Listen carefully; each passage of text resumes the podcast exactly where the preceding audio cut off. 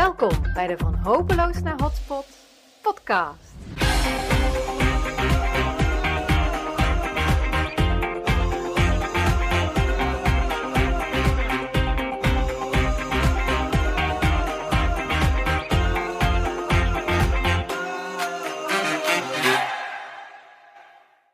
Hey hoi, welkom bij de Van Hopeloos naar Hotspot podcast. Uh, vandaag gaan we het een beetje anders doen. Dus ik uh, geen interview, maar ik dacht ik uh, deel even wat met jou vanuit mijn persoonlijke ervaring voor de afwisseling. en ik heb iets bijzonders om met je te delen. Iets wat sinds ik het heb ontdekt mij heel veel heeft gebracht. Ik gebruik het ontzettend vaak als ik werk met groepen. En je zou kunnen zeggen, ja, het is eigenlijk een belangrijk stuk van hoe ik de grote gebiedsontwikkelingen die ik uh, geïnitieerd heb en samen met velen uiteindelijk tot wasdom heb gebracht, hoe ik die voor elkaar heb gekregen. Er zit ja, eigenlijk in dit simpele raamwerk, framework, hoe je het ook wil noemen, uh, zit een belangrijk stuk van uh, mijn bijdrage aan, aan die gebiedsontwikkelingen. Je zou kunnen zeggen, een stukje van mijn ondernemerschap heb ik erin gevangen. Ik zal het voor je uitleggen het is eigenlijk heel toevallig ontstaan, dit framework. Op een gegeven moment was ik aan het werk voor een gemeente. Er moest een uh, gebiedsontwikkeling aan het, uh, ten zuiden van het uh, centrum tot bloei worden gebracht. En ik kan me nog herinneren, ik liep het bos in en toen dacht ik, oh man, dan gaan we weer zo'n brainstorm en dan moeten we weer zo'n bloedeloze SWOT gaan doen. En ik had erbij bij voorbaat al het land in. En ja, ik was eigenlijk zo ja, not amused over dat ik dacht van ja, Sandra, waar, waar heb je dan toch zo'n last van? Waar, zit je dan mee? En uh, nou, dat kwam al, hè, iedereen weet wat een SWOT is. Ik zal het nog even zeggen, hè, dat is een uh, sterkte-zwakte analyse. Dus S staat voor strength, W voor weaknesses, O voor opportunities en T voor threats. En ik dacht, waar heb ik dan zo'n last van? En daar kwam ik eigenlijk al vrij snel uit dat ik die O irritant vind die O van opportunities. En waarom vind ik die uh, irritant? Omdat mensen denken van dat zijn allemaal kansen die als je die op papier zet, die mag je dan niet meer laten lopen. Dat is dan, ja, dat zijn allemaal moedjes of zo. En ja, ik ben nogal van de school van wie kiest wordt gekozen. Dus maak nou duidelijke keuzes. En als je al die kansen gaat najagen, dan ja, versnipper je zo je aandacht en verspreid je zo de energie. Er wordt niet wat. Dus in plaats van kansen uh, zou ik het willen uh, benoemen als, ja, dat zijn gewoon interessante mogelijkheden. Dus in mijn hoofd uh, werd die O heel snel een I. Een I van interesting. Dus interessant om je gedachten over te laten gaan, maar niet om daar nou ja, per se alles aan op te hangen.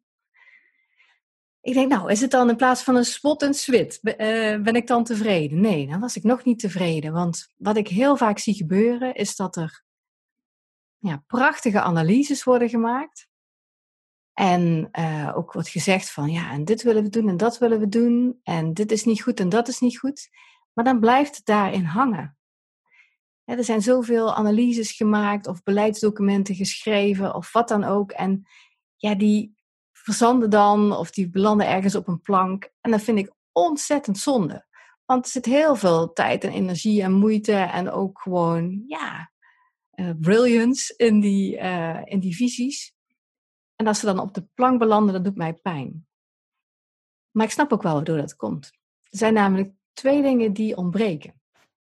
Het eerste is wat ik noem dat er te weinig duidelijkheid is over wat je nou eigenlijk echt wil bereiken eigenlijk gewoon de honger is, absolute meerwaarde die je met die gebiedsontwikkeling wil bereiken.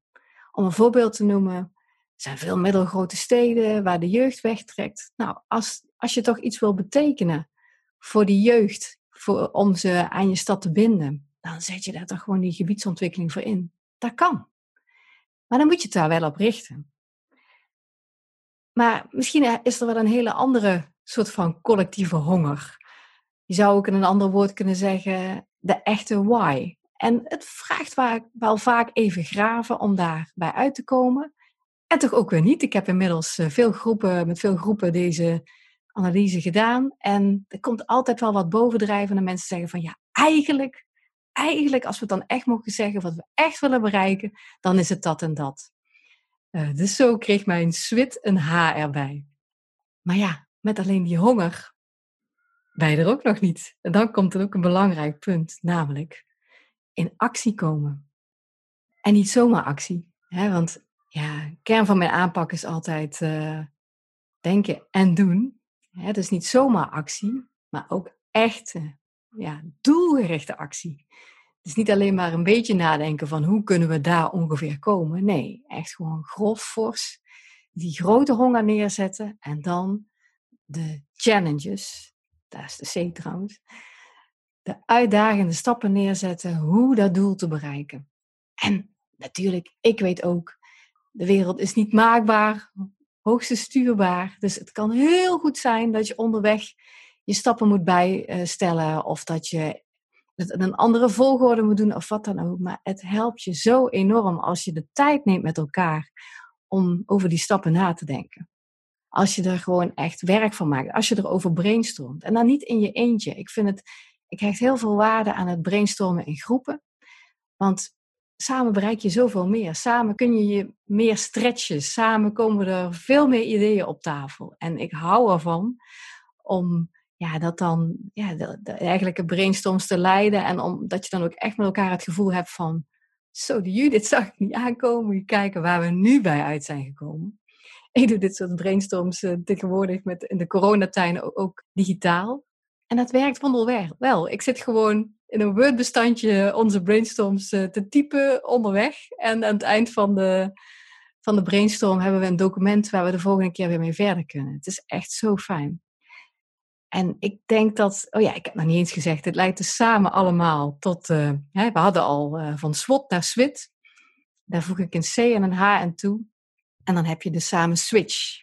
En ik denk dat dat acroniem het ook helemaal zegt. Je blijft niet hangen in het vertrouwde of in, in de stap van alleen maar analyse, maar je maakt de switch, de actieve verandering, naar wat je eigenlijk echt wil bereiken. Die grote droom of ambitie, die haal je zo naar je toe.